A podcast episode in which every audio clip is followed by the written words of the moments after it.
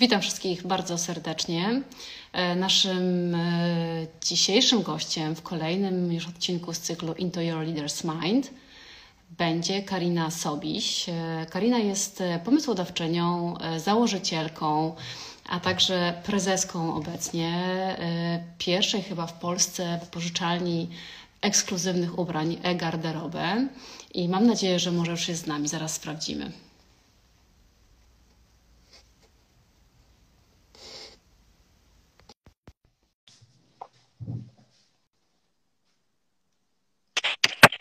Hej! Witam wszystkich.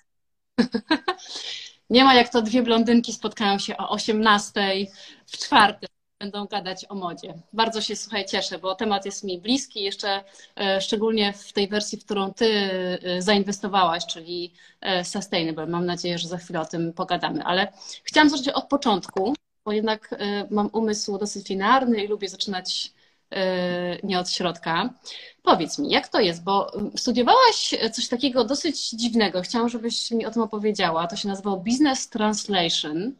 Jestem ciekawa, skąd to się wzięło, zważywszy na to, że twój dziadek był krawcem, twoja mama była projektantką mody, a ty jakoś tak doszłaś do tej mody boczkiem.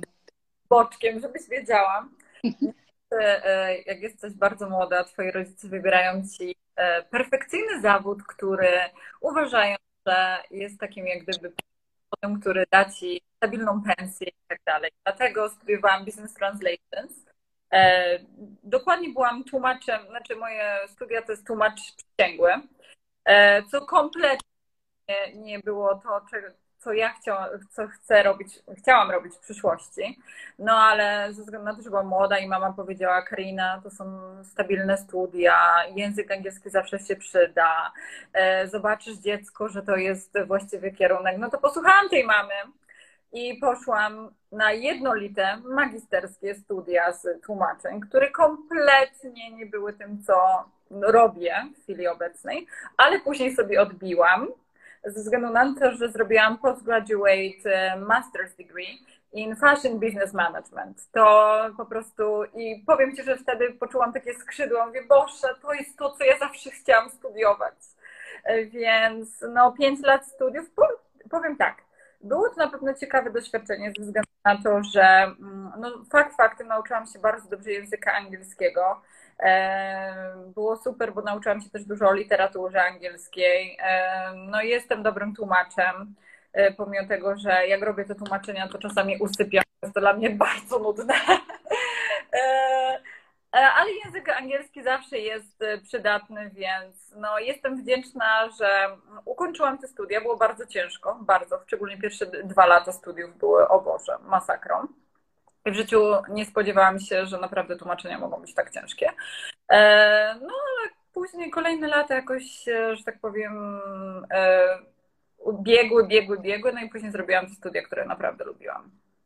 A powiedz mi, bo to, to się super często powtarza. Jestem bardzo ciekawa, czy to się też powtarza u chłopaków tak naprawdę, ale te kobiety bardzo często właśnie idą na takie studia, które albo wynikają z tego, że ok, jestem lepsza z matematyki, to pójdę, czy tam z polskiego, to pójdę dokładnie na tłumacza, bo, bo gdzieś tam jestem humanistką, bo tak mi powiedzieli rodzice, albo to rodzice wybierają. A powiedz, jak kończyłaś, to jest troszeczkę tak, że to jest błąd, no bo to jest pięć lat, oczywiście, że to no ale fajnie by było, gdybyś od razu zaczęła gdzieś tam eksploatować swój potencjał. I ten potencjał chciałam zapytać, czy ty już będąc w liceum wcześniej, czy ty czułaś w sobie tą, tą modę i ciągnęło cię do tego? Powiem ci, że od samego początku mnie ciągnęło do mody. Tak jak zresztą dziadek był krawcem. E, I od ma- jako mała dziewczynka chowałam się pod jego takim stołem krawieckim. E, I jak zapominał, że jestem pod tym stołem, to łapałam go za nogi i robiłam mu bu, żeby go przestraszyć. I mówi, Boże, dziecko drogie, dlaczego mnie tak straszysz? Ja już w ogóle zapomniałam, że ty jesteś pod tym stołem. E, I tak zawsze patrzyłam właśnie, jak dziadek akurat e, w tym czasie, kiedy ja byłam mała, to pracował, szył sukienki, a później szył, co śmieszne jest, sutanny, więc ja widziałam te kroje, wszystko, Boże, jakie to jest fascynujące. Moja mama też ma związek z modą, ponieważ uczyła projektowania odzieży. Więc, no, że tak powiem, od, mały, od małego zawsze to było wokół mnie, ale no, tak jak mówiłam, to rodzice powiedzieli, no to jest e, stabilny zawód, nigdy nie wiadomo, bo myślę, że ja chcę być projektantką. e, nigdy nie wiadomo, jak to będzie. No wiadomo, no projektowanie jest zupełnie inne i nigdy nie wiadomo, czy będzie słynnym projektem, w jakim kierunku się ukieruje, ukieruje twoja kariera ale mm, no ja poszłam troszeczkę w inny, innym kierunku. E, no właśnie te studia, później studia, które naprawdę lubiłam i później e, właśnie stwierdziłam, dobra, idę na głęboką wodę i właśnie wyjeżdżam do Stanów, gdzie tak naprawdę zaczęłam na bardzo głębokiej wodzie, bo zaczęłam pracować dla Zary, dla Global Flagship Store, więc no to było naprawdę, że tak powiem, bardzo głęboka woda, prosto po studiach. Mi powiedz lepiej, jak to się stało, bo to nie jest takie oczywiste. Z tego co wiem, to ludzie po studiach idą i w zarze zaczynają od tego, że po prostu sprzedają to są takimi totalnie szerogowymi sprzedawcami, a nie od razu stają się menadżerami e, całego działu męskiego i to uwaga na Fifth Avenue z tego, co, e, co wyczytałam. Powiedz, tak, tak. jak, jak, jak to się stało? Słuchaj, powiem Ci, to była bardzo śmieszna historia. No więc wysyłałam swoje dosłownie wszędzie.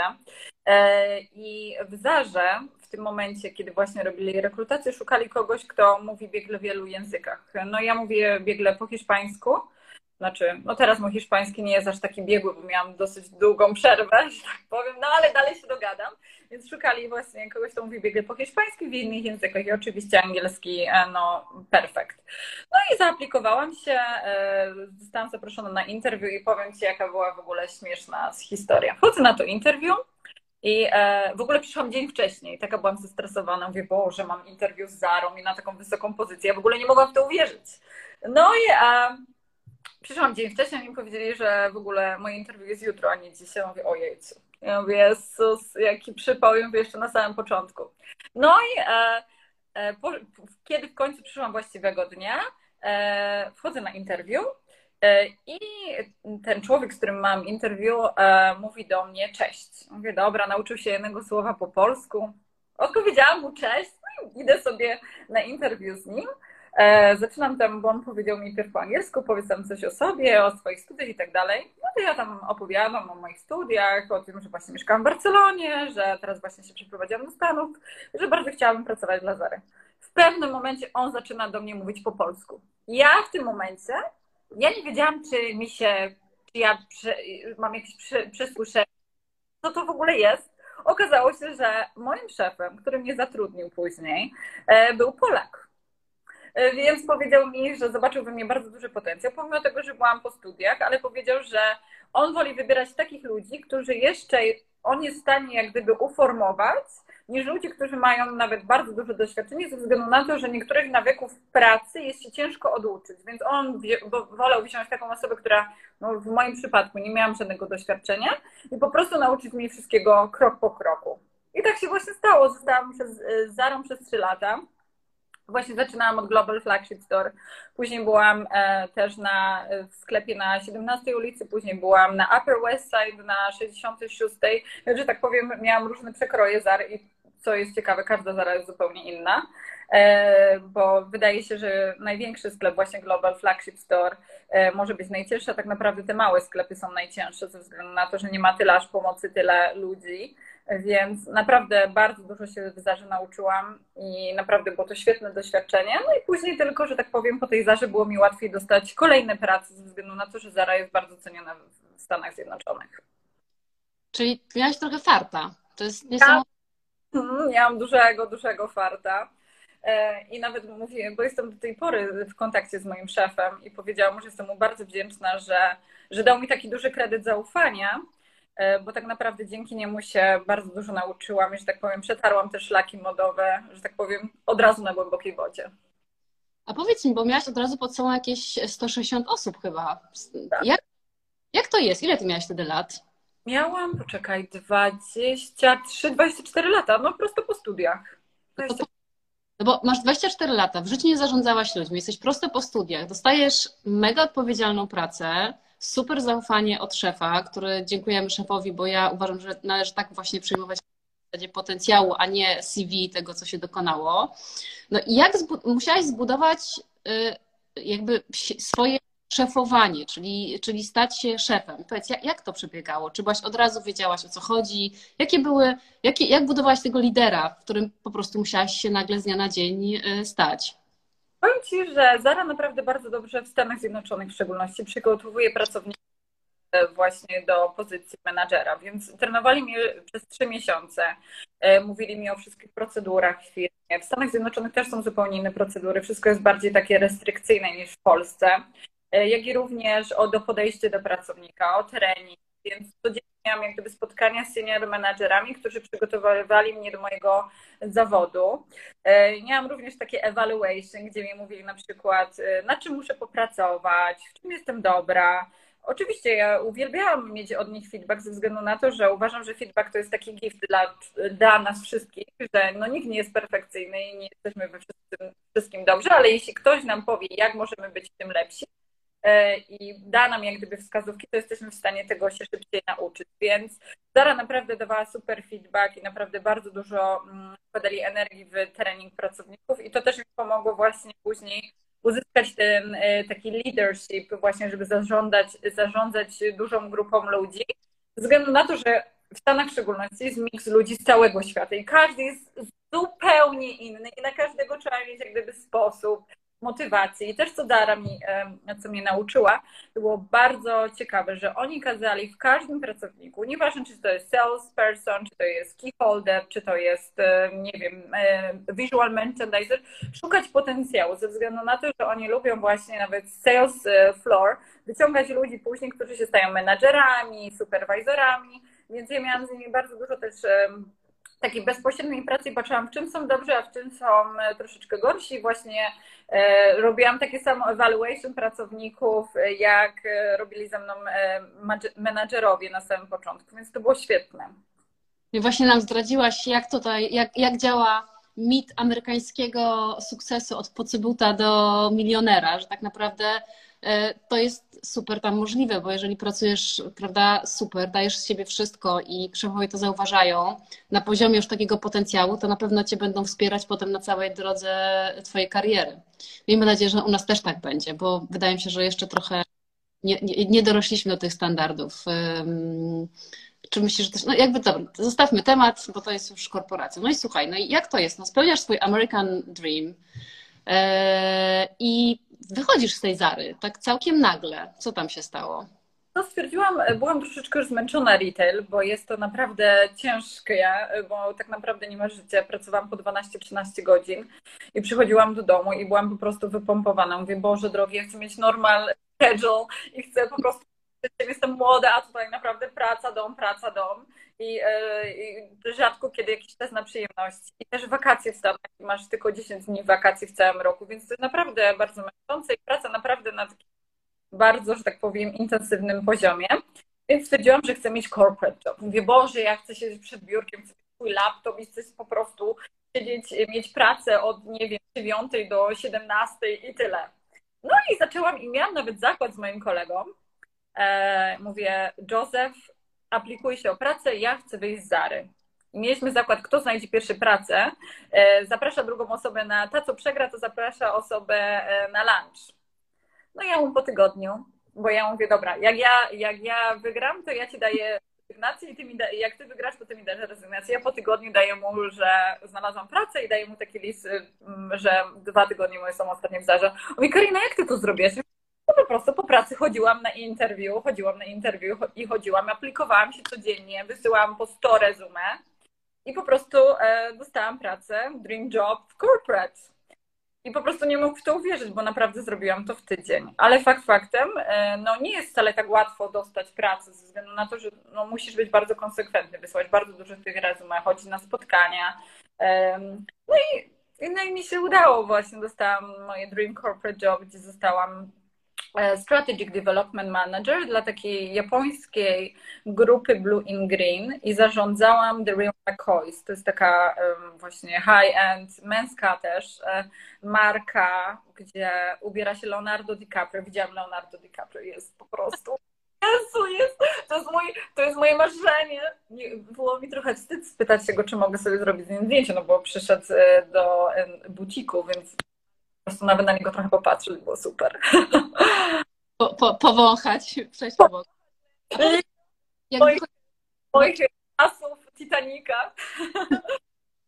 Słuchaj, a jak wychodziłaś z tej Zary, znaczy podjęłaś decyzję, że wychodzisz, no bo rzeczywiście gdzieś tam y, byłaś zmęczona, chciałaś zmiany, to ty wiedziałaś, czy miałaś taki goal, wiesz, że po prostu, nie wiem, za pięć lat, no bo już byłaś taka dojrzała zawodowo, jednak po pewnie tych trzech latach takiej intensywnej pracy już wiedziałaś, na czym polega praca, jak, czym to się je, jakie są tego konsekwencje, w czym jesteś lepsza, w czym gorsza. To miałaś tak, że okej, okay, to ja chcę za pięć lat być, nie wiem, szefem tu i tu. Czy, czy to było raczej takie wyjście, bo chcę zmienić y, święty spokój, czy, wiedział, czy zaprojektowałaś sobie trochę tą, tą ścieżkę kariery? w Stanach jest tak, że um, jeśli pracujesz w modzie, to jest dobrze, jeśli pracujesz w różnych, tak powiem, dziedzinach mody, ze względu na to, że, że uważam, że fajnie jest też poznać inne dziedziny, żeby wiedzieć, czym tak naprawdę jesteś ekspertem. Okay. Też, e, no bo w Zarze nie miałam takiej możliwości, żeby się nauczyć takiego corporate. E, tutaj w japońskiej firmie akurat się nauczyłam corporate, tam też było bardzo dużo e, kupowania, gdyby bezpośredniego kontaktu z Japonią, więc to było też świetne.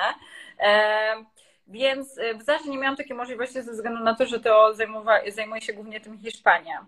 E, I właśnie chciałam poznać też inny, jak gdyby, aspekt mody, co mi właśnie dało zmiana pracy. Bo uważam, że jeśli człowiek się chce rozwijać, to nie może zostać w jednej pracy przez cały czas. Musi po prostu poznawać inne rzeczy, żeby zobaczyć, gdzie tak naprawdę siebie widzi. A przez trzy lata pracy w Zarze wiedziałam, że to jest super doświadczenie, ale to nie jest dla mnie do końca życia. To ciekawe, potem był Ted Baker i to też była inne, jakby inna perspektywa na tą modę, którą poznawałaś? Tak, bądź wiesz dlaczego? Ze względu na to, że Ted Baker moim zdaniem ma najlepszy customer service, jaki w ogóle kiedykolwiek na świecie nawet miałam do czynienia. Oni naprawdę dają bardzo duży nacisk na to, żeby klient od samego momentu, jak wchodzi do sklepu, do, do momentu, kiedy wychodzi, żeby był naprawdę traktowany z, no, żeby po prostu dostał wszystko to, na, czego oczekuje, jak wchodzi do sklepu i jak również y, cały experience online, też bardzo duży dają na to nacisk, więc naprawdę tam się też bardzo dużo nauczyłam i to właśnie było zupełnie inne doświadczenie niż e, zupełnie inne doświadczenie niż w Zarze, bo no niestety w Zarze nie ma aż takiego nacisku na customer service ze względu na to, że to jest bardziej takie jak gdyby masowe, a wtedy Baker jest takie bardziej indywidualne. Więc to było naprawdę świetne doświadczenie. A jakie są takie trzy rzeczy, które, znaczy, które myślisz, że jakbyś przeszła tą samą drogę w Polsce, oczywiście z innymi markami, których byś się na pewno nie nauczyła i które ci jednak te Stany dostarczyły? Na pewno customer service. W Polsce uważam, że jest mm, straszny customer service. Drugie jest logistyka. E, uważam, że logistyka w Stanach jest dużo bardziej zaawansowana i na przykład e, Zara e, w Stanach Zjednoczonych była pierwszą, była pierwszą Zarą, która wprowadzała RFID, czyli ten system, który mamy teraz, że jak podchodzimy do kasy jest skanowany, skanują sensor i tam są wszystkie informacje. Mnie tego uczyli dosłownie, kiedy Zara to wprowadzała, więc to było świetne właśnie rozwiązania logistyczne. E, I trzecia rzecz, jaka ja się nauczyłam, to, e, że tak powiem, w Polsce ludzie nie widzę, żeby tak aż bardzo ciężko pracowali, żeby siedzieli po 12-13 godzin. Jest godzina piąta, wszyscy pół out z pracy. W Stanach nie jest tak. W Stanach siedzą dopóki nie skończą. Nie ma czegoś takiego, że zostawiam rzeczy na jutro. I też jest coś takiego, że jest bardzo duży, wiesz, że na twoje miejsce jest 10 innych ludzi, więc masz takie świadomość, że ty musisz być najlepszy, bo jeśli nie jesteś, to mogą wsadzić, y, wsadzić kogoś na twoje więc jest taki, mm, jest taki jednak e, w tyle twojej głowy jest to, że musisz naprawdę dać siebie wszystko, a nawet jeszcze więcej, żeby po prostu zachować swoją pracę. Szczególnie w Nowym Jorku, prawda? Nowy Jork jest takim po prostu y, polem minowym trochę dla, dla wszystkich wchodzących na, y, na drogę kariery. I to też wynika, ja też się nad tym zastanawiałam kiedyś, bo też, też to zauważyłam i rozmawiałam z ludźmi, to też wynika, wiesz co, z ich takiej głównej religii, protestantyzmu, w którym jakby praca jest tak naprawdę taką kwintesencją y, twojego sukcesu i tego, czy Bóg cię kocha. Czyli jeżeli Bóg cię wspiera, to masz sukces. Na ten sukces musisz sobie zapracować. I to rzeczywiście to jest to jest niesamowite, oni mają zupełnie inną pracy i tego, jak definiują siebie zawodowo, prawda? Zupełnie inaczej. A powiedz teraz, jakby tak chciałabym trochę zajrzeć do środka ciebie, no bo jakby dostałaś te wszystkie narzędzia, miałaś super doświadczenia, a czego nauczyłaś się o sobie przez te lata pracy w Stanach? Wiesz co, nauczyłam się o sobie na pewno dużo pokory, ze względu na to, że e, no, w Stanach, w Nowym Jorku byłam tak naprawdę sama i do wszystkiego naprawdę dochodziłam sama I no wiadomo, nie było mi zawsze łatwo i nie wszystko mi przychodziło tak od razu, więc nauczyłam się pokory i y, tego, że mm, kiedyś byłam bardzo niecierpliwa, ale teraz wiem, że trzeba na wszystko, na wszystko potrzeba czasu. E, więc to też mnie nauczyły, bardzo nauczyły mnie Stany. No i tak jak mówiłam, ciężka praca, e, że nic nie przychodzi za darmo, że naprawdę trzeba się poświęcić i trzeba, jeśli masz jakiś gol i cel, to musisz naprawdę ciężko na to pracować, żeby, żeby to osiągnąć. Więc e, to nauczyłam się w sobie i to też jak gdyby pozwoliło, to nauczył mnie też Stany, że tak jak mówię, że nie ma nic za darmo, że naprawdę wszystko, do wszystkiego musisz żeby dojść do czegoś, to musisz naprawdę ciężko pracować.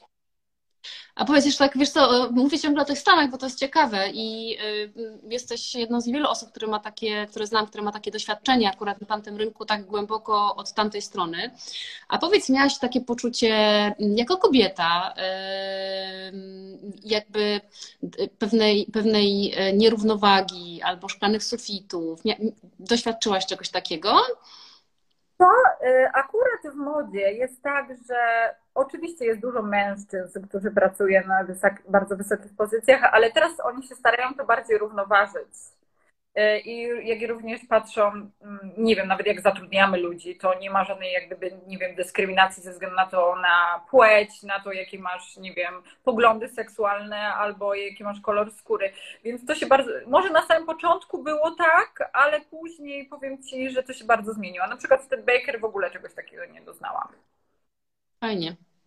Fajnie, fajnie, bo byłam ciekawa, czy oni, bo oni też są dosyć walczący y, i bardzo tacy, mm, no też starają się być fair w związku z całą swoją historią, prawda? I to diversity to też jakby jest super istotne i to, co mówisz zresztą, że tam, mm, że to jest strasznie fajne, że masz pod sobą jako lider, jako szef zespół, który składa się nie tyle z różnych osobowości, ale z różnych narodowości, z różnych kultur, z różnych mentalności, z różnych religii.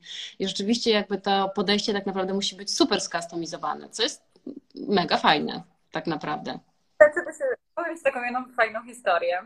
E, to jest historia właśnie z Ted Baker. Miałam e, pracownika, który do mnie właśnie, otwierałam w ogóle e, drugi co do wielkości największy sklep Ted Baker, który znajduje się na Columbus Circle. Jeden właśnie z moich pracowników, którego zatrudniłam i pamiętam, że jak mu powiedziałam, że ma pracę, to się popłakał. Miał kiedyś ze mną taką bardzo szczerą rozmowę i powiedział mi, Karina, ja tak naprawdę nie jestem mężczyzną, jestem kobietą.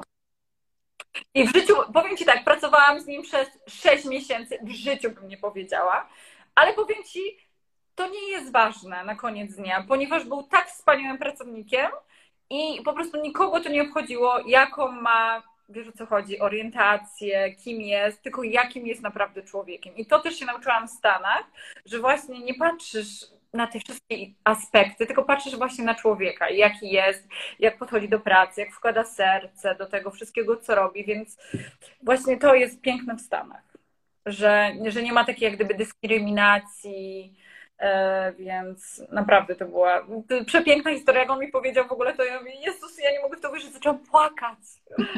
No.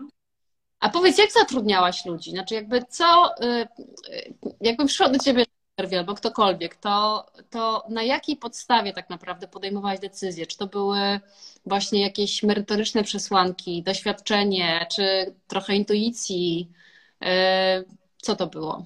Powiem Ci tak, e, patrzyłam oczywiście na to doświadczenie, ale też kierowałam się intuicją, ze względu na to, że tak jak mój szef Zary kierował się intuicją, nie miałam doświadczenia i dał mi szansę. Jak, jak ja czułam, że mogę dać e, szansę danej osobie, że jestem w stanie z nią wypracować e, daną metodę pracy, jaką oczekuje firma, to oczywiście dawałam im szansę i naprawdę spędzałam godziny czasu, czasu z nim i trenowałam ich pod company guidelines, żeby, żeby firma po prostu e, żeby po prostu firma była zadowolona z pracownika, jaki jest on board, bo jednak to nie jest tylko to na przykład ile pracownik, nie wiem, ile płacisz pracownikowi, ale to też jest nasz czas, kiedy my trenujemy daną osobę do wykonywania danej pracy.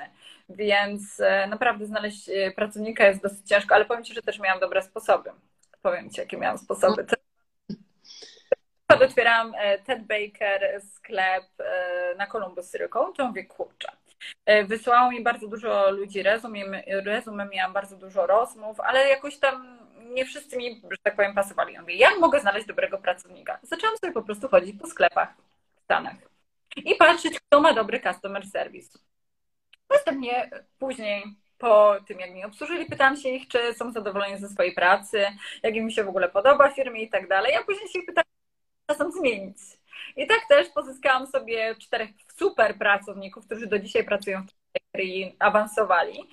Więc to też był taki fajny test, bo oni nie wiedzieli, że ja na przykład robię interwiu o, o potencjalną pracę, a później przychodzili do mnie na interwiu i przechodzili do mnie do pracy, więc to było naprawdę, no dużo, że tak powiem, trochę wybrałam w taki Musisz to opatentować, to jest genialne po prostu. Nie robimy interview, nie robimy, nie wysyłamy resume czy CV, tylko tak naprawdę y, headhunterzy udają się w miejsca pracy i obserwują ludzi jak pracują, no bo tam jest y, cała prawda tak naprawdę, nie wyniki. Cała prawda. Naprawdę. I miałam takiego jednego chłopaka, którego właśnie zatrudniłam. E, I super mi obsłużył, po prostu ją mówię, kurczę, ja mówię, ja go chcę. No i spytałam się go, czy nie chciałby zmienić pracy, czy przyszedłby może na interwiu. Na początku był taki, wiesz, trochę podejrzany, no bo też się tak zdarza, że na przykład przychodzą, nie wiem, prezesi danych firm i robią takie rzeczy, więc był trochę podejrzany, ale dałam mu moją wizytówkę i powiedziałam, że jeśli chciałby się spotkać, to bardzo chętnie się z nim spotkam, że właśnie otwieramy ten e, sklep na Columbus Circle e, i bardzo bym chciała, żeby przyszedł po prostu na rozmowę, no i e, wydaje mi się chyba, o ile dobrze pamiętam, pracuje do dziś. Jest bardzo zadowolony. On pracuje do dziś, a ty już nie. Co się wydarzyło znowu w twoim życiu, że tak po prostu twój American Dream postanowiłaś e, z własnej nieprzymuszonej woli przerwać w pewnym momencie? Powiem ci tak, e, to były moje 30 urodziny.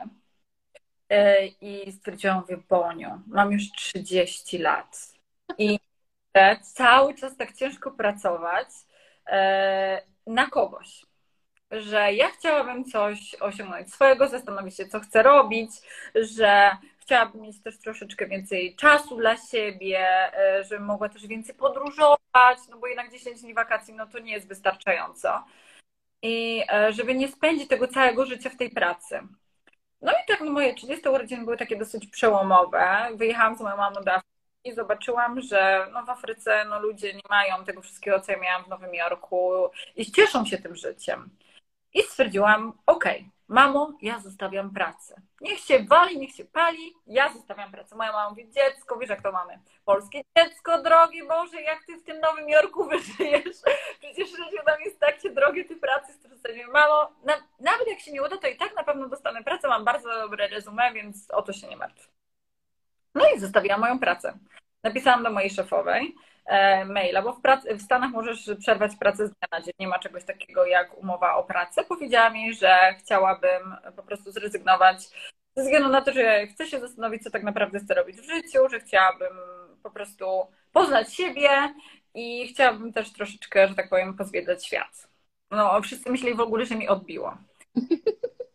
No nie, Moja mama w szczególności, jak wylądowałyśmy w Warszawie, bo to było coś takiego, że ja poleciałam do Afryki, miałam właśnie to 10 wakacji, e, miałam wylądować w Warszawie i miałam prosto z Warszawy lecieć do Stanów, więc wyobraź sobie, no po prostu podróż, nie wiem, 24 godziny ze względu na to, że no, nie mam więcej wakacji. Ja mówię, widzisz mamo, i nawet fakt, że ja nie mam nawet czasu, żeby odpocząć po tej naszej Afryce i po prostu następnego dnia miałam być w pracy. mówię, to nawet sam ten fakt doprowadza mnie do tego, że ja chcę po prostu przerwy. No i e, zostałam w tej Polsce. E, I e, oczywiście w Afryce oddałam moje rzeczy, wszystkie. Dosłownie wróciłam w dresie, w którym przyjechałam, biednym ludziom, bo stwierdziłam, a w Polsce sobie coś kupię. No i oczywiście pierwsze co, udałam się do sieciówek. I zobaczyłam, że w sieciówkach w Polsce po pierwsze jest bardzo kiepski, kiepski, kiepska jakość, a poza tym te rzeczy bardzo dużo kosztują, dużo więcej nawet niż w Stanach. Ja mówię, Boże, jak to jest możliwe, że w Polsce są dużo droższe te rzeczy, a kolejki są po prostu, no, nie z tej ziemi. I w ogóle te rzeczy są bardzo kiepskiej jakości. Ludzie dalej za to tyle pieniędzy płacą. Mówię, wow, chyba w Polsce się bardzo zmieniło. Później poszłam do jeszcze jednej sieciówki i też zobaczyłam kolejki, a później mówię, dobra, no nie będę kupować rzeczy kiepskiej jakości, kupię jakoś tam wytrzymam i później wrócę do Stanów, mam całą szafę rzeczy.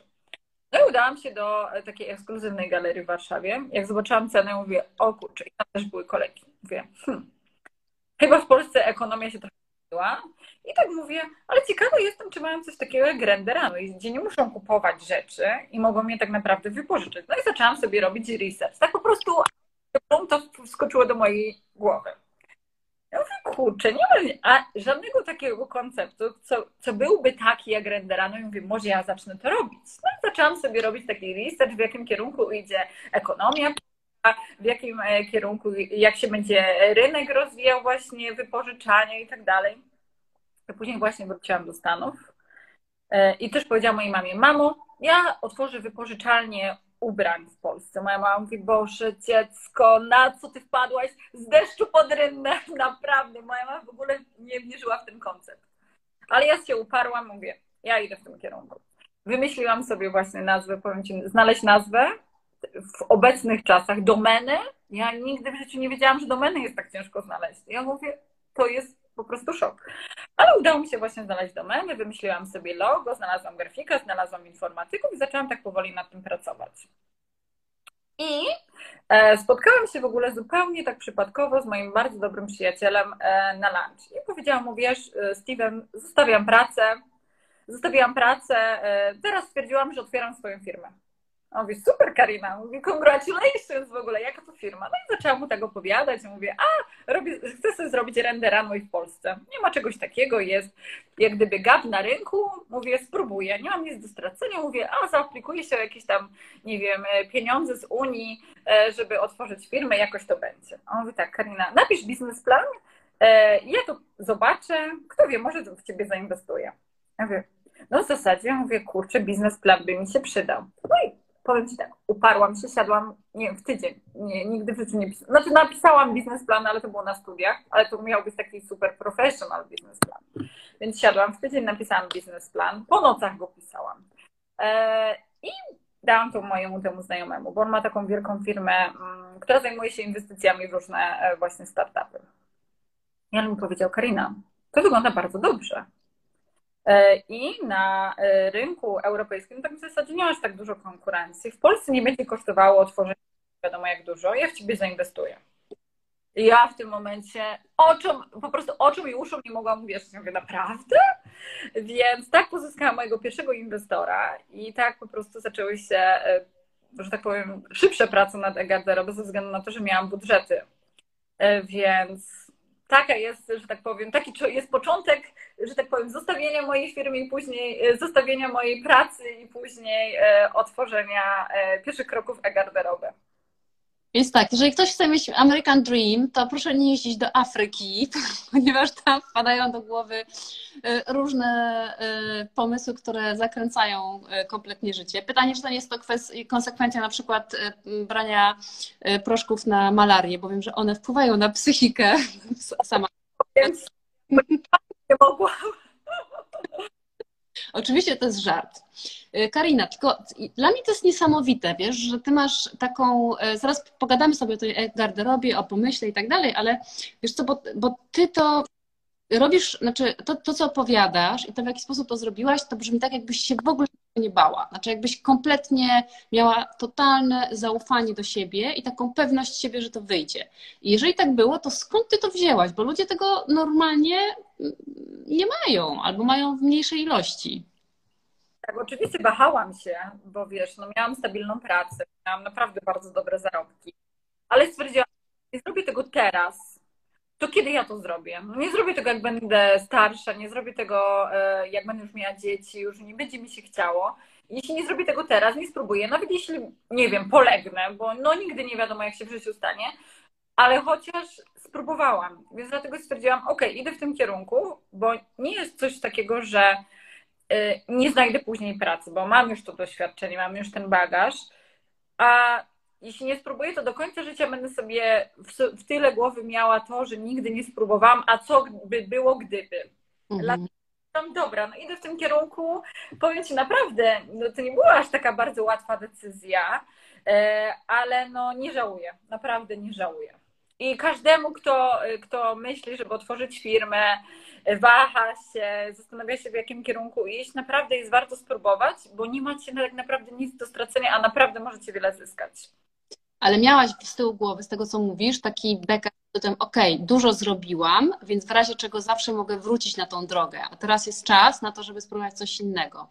A powiedz, nie było Ci trudno, no bo zdecydowałaś się na Polskę, wiem, że tutaj się wychowywałaś i tak dalej, ale jednak to jest y, dramatyczna zmiana, jeżeli chodzi o takie środowisko pracy, o, o, w ogóle o klienta przede wszystkim, no bo jakby polski klient jest dosyć specyficznym klientem modowym. Pewnie też tak wychodzi z tego researchu.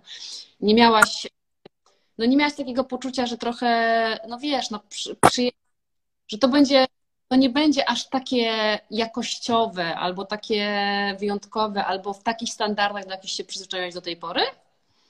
Powiem Ci tak, e, na samym początku było mi dosyć ciężko ze względu na to, że życie tak mówisz zupełnie inne, ale z drugiej strony nie zdajemy sobie sprawy, póki nie pomieszkamy tam dłużej niż 5 lat, że tak naprawdę w Polsce mamy bardzo wysoką jakość życia. E, mieszkamy w przepięknych apartamentach, które większość jest nowych. E, mamy dużo, dużo miejsca. W Stanach jednak ludzie mieszkają w tych małych mieszkaniach.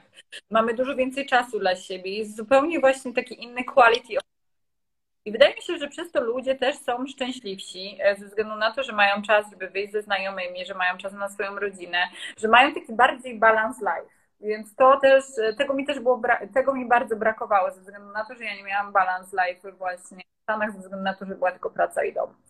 E, jeśli chodzi o klienta, oczywiście ogólnie europejski klient jest zupełnie inny niż amerykański klient. W Ameryce po prostu ludzie, że tak powiem, biorą wszystko. W Polsce i ogólnie w Europie cenimy sobie jakość.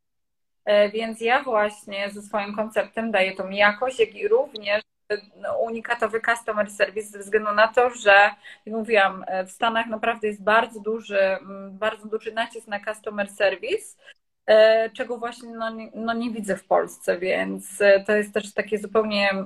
Ja bardzo lubię indywidualne podejście do klienta. Bo to jest zdaniem bardzo, bardzo istotne. Mm, to prawda, szczególnie w dzisiejszych czasach, prawda, kiedy tak naprawdę y, lubimy czuć się wyjątkowi i lubimy być traktowani wyjątkowo.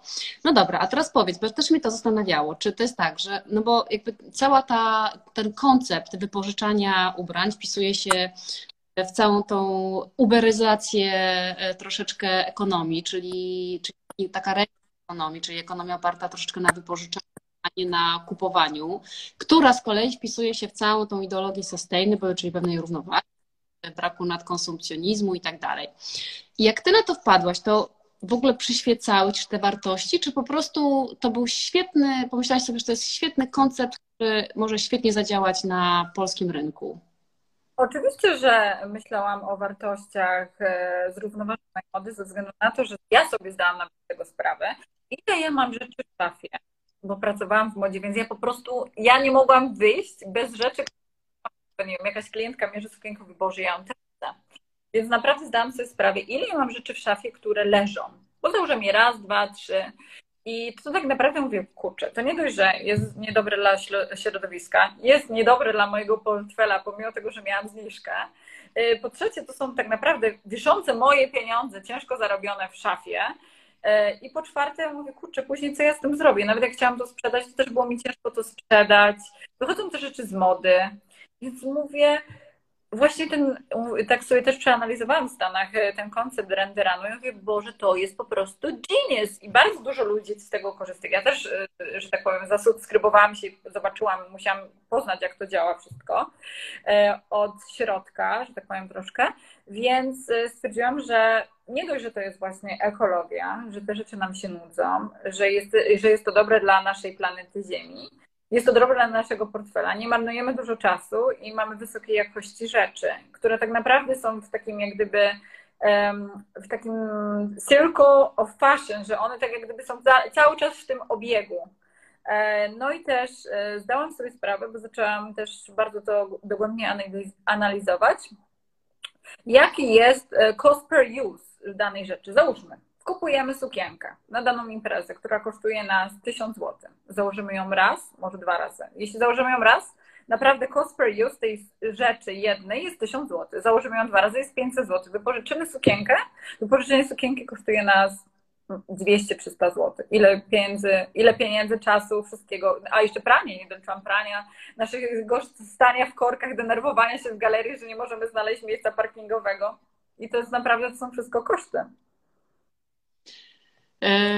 Okej, okay. a powiedz, mm, jak, jak, znaczy to fajnie, ten cost per use uważam, że to jest absolutnie y, super myślenie i takie przyszłościowe, przyszłościowe i w ogóle y, z taką, z taką uwagą na to, co się dzieje na świecie i też z takim szacunkiem, no w ogóle dla, też trochę dla siebie i dla, dla tego, na co wydajemy nasze pieniądze. A powiedz, bo y, jakby, jaki jest koncept? Czy ty czy ty de facto inwestujesz i kupujesz te ubrania, czy w jakiś sposób, tak? To są, jak, jak, jak działa ten biznes twój? Bezpośrednio z designerami. W takim kierunku, że współpracuję w większości designerów, e, które mamy w e nie są dostępne na rynku polskim. Poszłam w coś takiego unikatowego, e, w zupełnie marki, które nie są znane. Bardzo dużo jest ich z Australii, zakochałam się w australijskich markach. E, bo mają naprawdę bardzo wysoką jakość i unikatowy design i w ogóle Australia jest super. E, mamy bardzo też dużo designerów ze Stanów Zjednoczonych, bo tam już widziałam, którzy designerzy, e, na przykład kobiety w Stanach lubią chodzić w nich. I też widziałam kobiety na ulicach przy pięknych sukienkach zawsze, wiesz, w, Amery w Ameryce jest tak, że jak widzisz jakąś dziewczynę w ładnej sukience, to się pytasz, hej, gdzie kupiłaś tą sukienkę? Od razu, więc od razu sobie robiłam też notatki, skąd mają sukienki, później się kontaktowałam z designerami bezpośrednio i się pytałam, czy chcą ze mną współpracować, że otwieram taki właśnie startup i powiem Ci, że bardzo dużo właśnie firm tak pozyskałam. No i też w Polsce teraz zaczęłam robić e, współpracę B2B z polskimi designerami ze względu na to, że e, koronawirus troszeczkę, że tak powiem, e, osłabił rynek mody i niestety dużo rzeczy, które miało się sprzedać na przykład w sezonie letnim, no było u nich na magazynach i stwierdziłam, że, e, że mogą dać na przykład część kolekcji do nas do wypożyczania i też pozyskać przez to potencjalnych klientów i to naprawdę też okazało się bardzo wielkim sukcesem i są bardzo zadowoleni z współpracy z nami.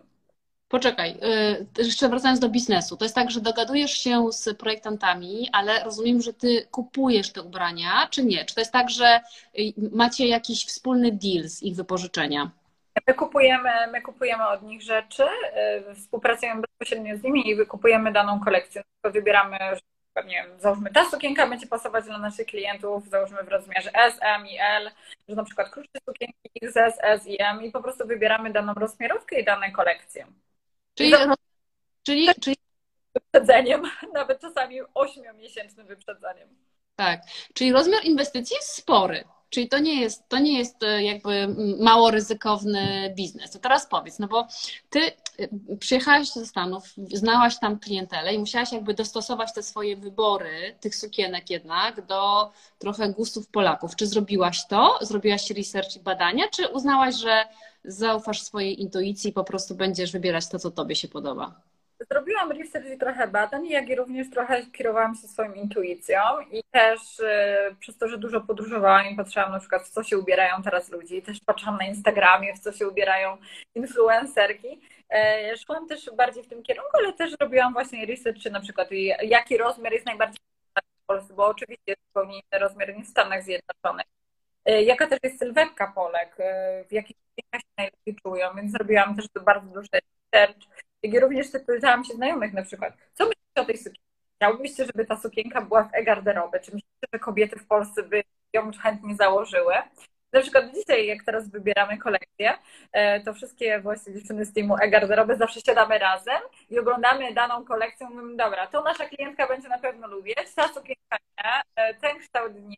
Już wiemy też, jaki na przykład dany designer, dana sukienka, e, jak, jak, jaką na przykład rozmiarówkę zamówi, jaki kształt sukienki dobrze pracował dla nas, jaki materiał, więc też to było bardzo dużo, e, że tak powiem, nauki. Na samym początku, jak ja wystartowałam Megarden, miałam tylko 100 rzeczy, więc to nie było jakoś dużo, to nie była jakaś duża inwestycja, tylko później właśnie ta kolekcja się rozrastała ze względu na to, że ja się uczyłam, co kobiety potrzebują. Że to nie było od razu, że rzuciłam się na głęboką wodę i kupiłam, nie wiem, tysiąc rzeczy i niech się dzieje wola nieba. Nie. Zaczęłam od małej kolekcji, później, która się po prostu rozrastała. Czyli był to trochę startup jednak. Coś, co było małym prototypem i na, na bazie doświadczenia i obserwacji tego, jak ci to idzie, jakoś tam ewoluowało, tak? I dokładałaś dodatkowe rzeczy. A powiedz, no i co? Zamortyzowało się? Czyli, bo jest dwa lata, prawda? Mieliście teraz urodziny. Czy ty... Tak, Dzisiaj są dokładnie nasze urodziny, dzisiaj jest dokładnie dwa lata, kiedy e-garderoba wystartowała. Wszystkiego dobrego. I to.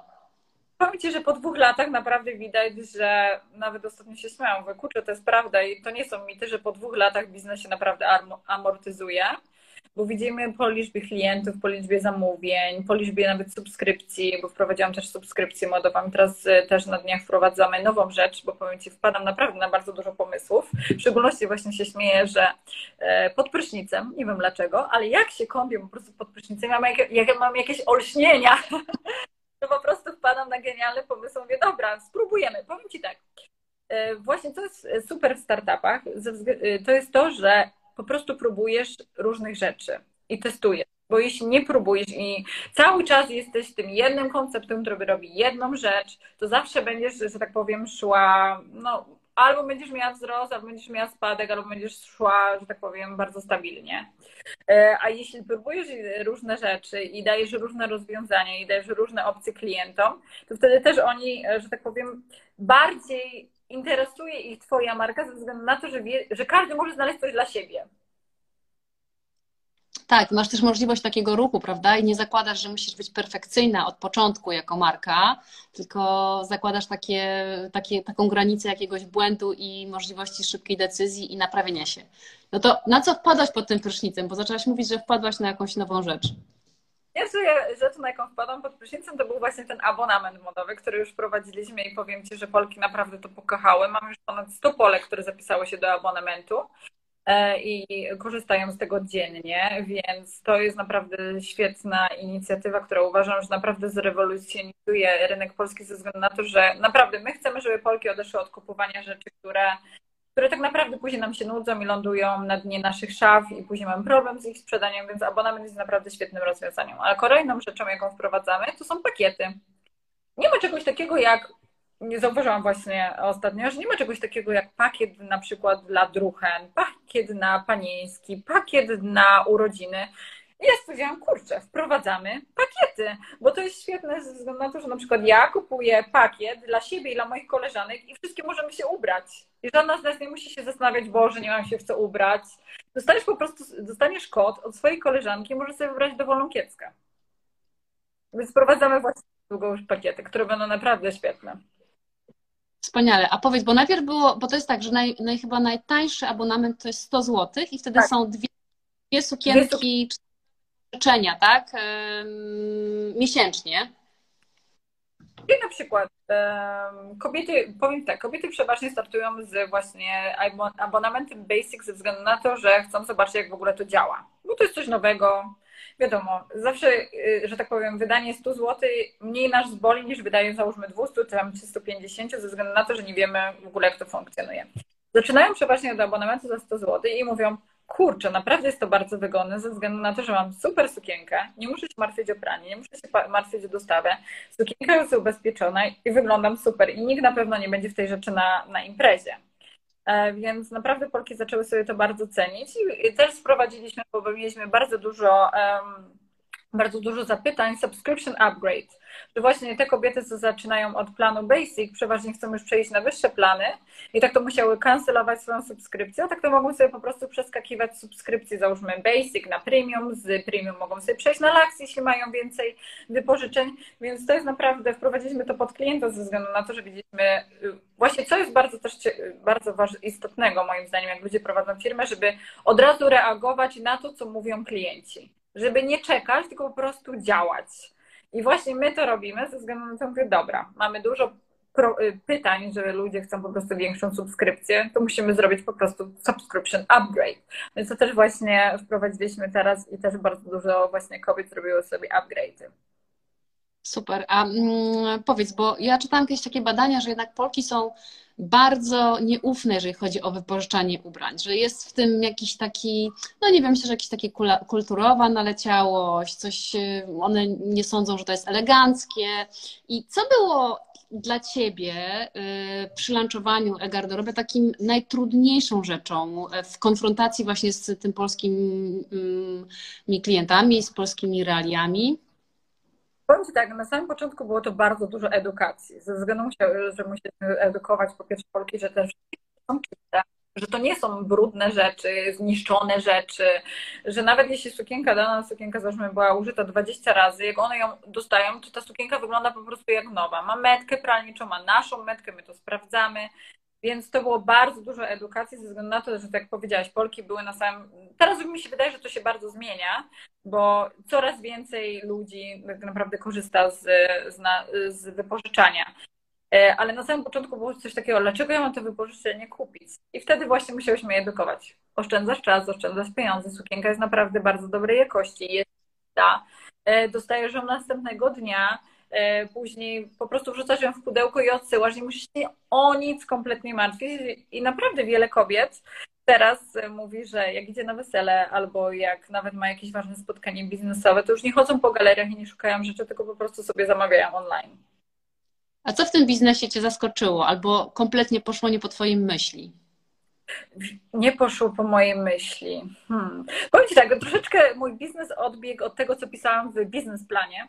Bo wiesz, jak pisałam biznesplan, to, była tylko, to był tylko pomysł. I mówię, dobra, e, zrobi ten, e, jak gdyby ten biznes, zbuduje go w przeciągu, nie wiem, pięciu miesięcy. Co nie poszło po mojej myśli, to praca z informatykami na samym początku, e, bo tak naprawdę to nie jest łatwe, żeby zbudować taki biznes ze względu na to, że mm, cała strona nasza jest zbudowana jak gdyby od zera. Ja się też nauczyłam e, przez ten cały okres, kiedy budowaliśmy tą stronę, bycia informatykiem i mówienia ich językiem, bo to zupełnie nie jest teraz ze względu na to, że no ja nigdy w życiu nie miałam doświadczenia z IT, ani, um, ani budowania strony, ani żadnymi Google AdWords, ani SEO, nic, po prostu nic, zero.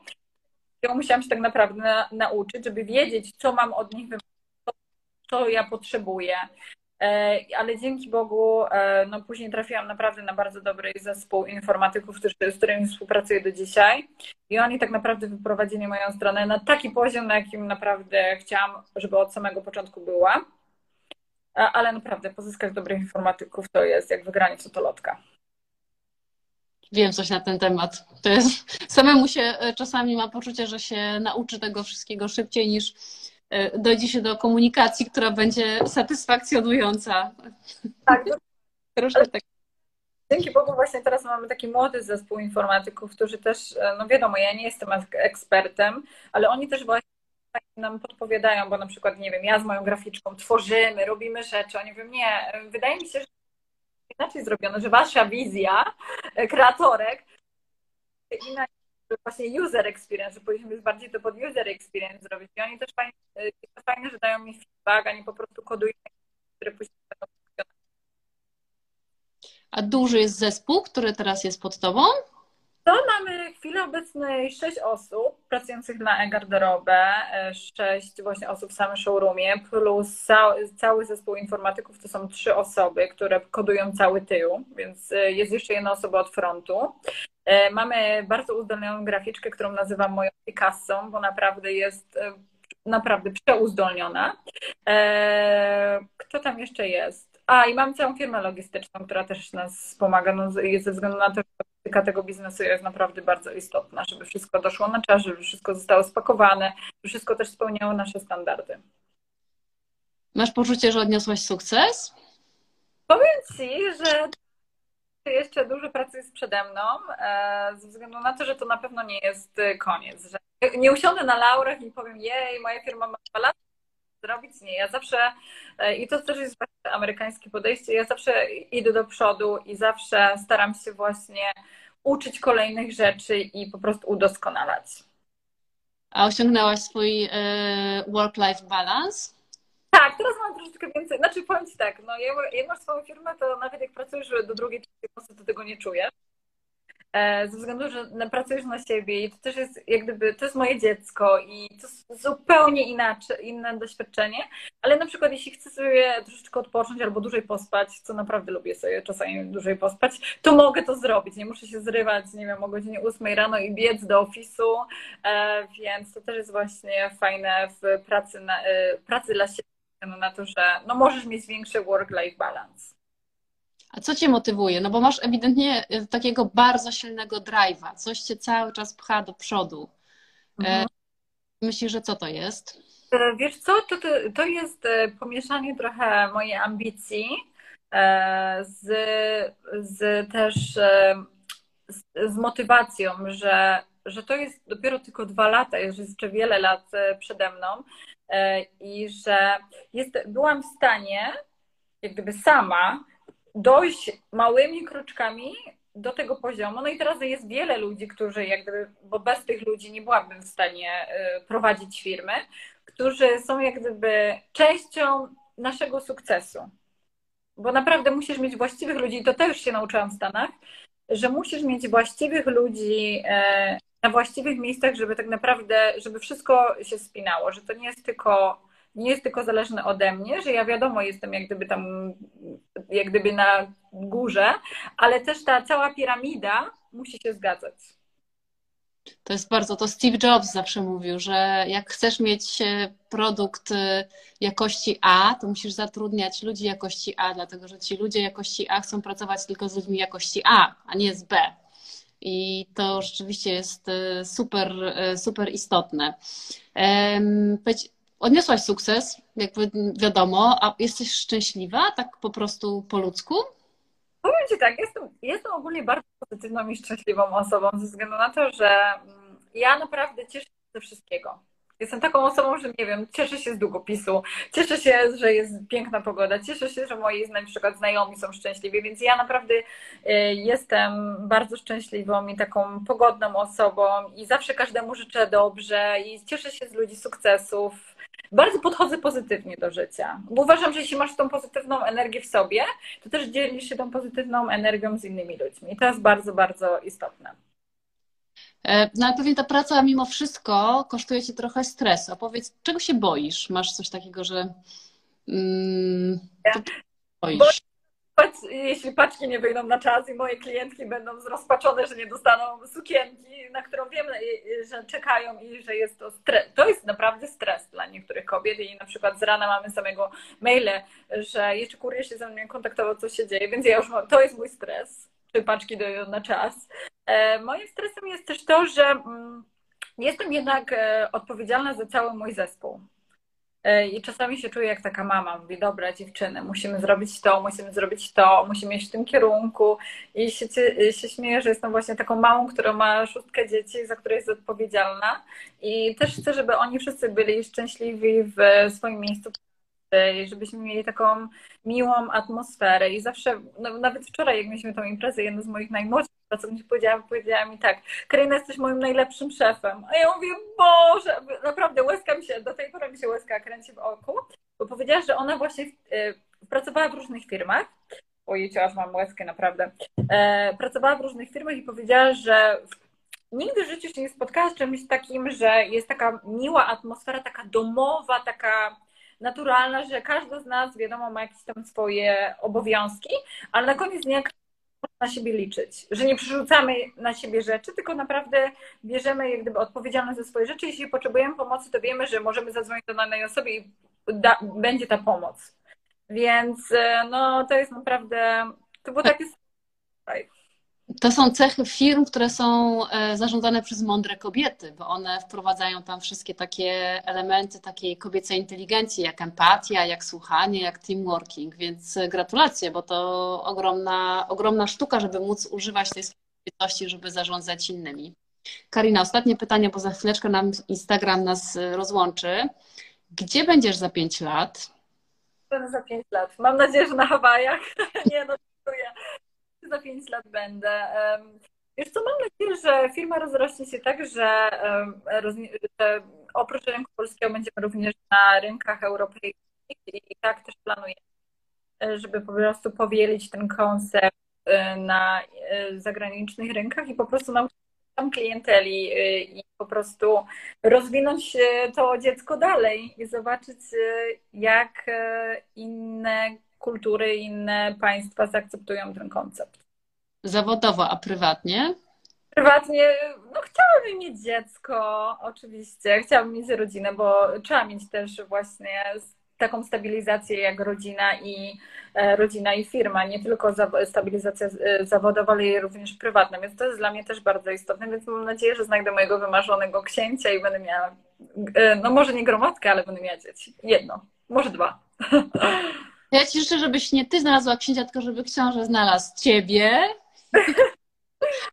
Szybko. Strasznie dziękuję, Karina. Naprawdę bardzo y, niesamowita jesteś, masz niesamowite doświadczenie y, i rzeczywiście taką y, niesamowitą, pozytywną energię, która myślę, że Ci zapewni wysoką falę przez całe, całe życie i tego, i tego Ci super życzę. Bardzo dziękuję za dzisiejszego live'a i że, że mogłyśmy się tym dzielić razem. I jeszcze raz bardzo dziękuję za zaproszenie. Dziękuję Karina. Powodzenia i wszystkiego najlepszego dla firmy z okazji drugich urodzin.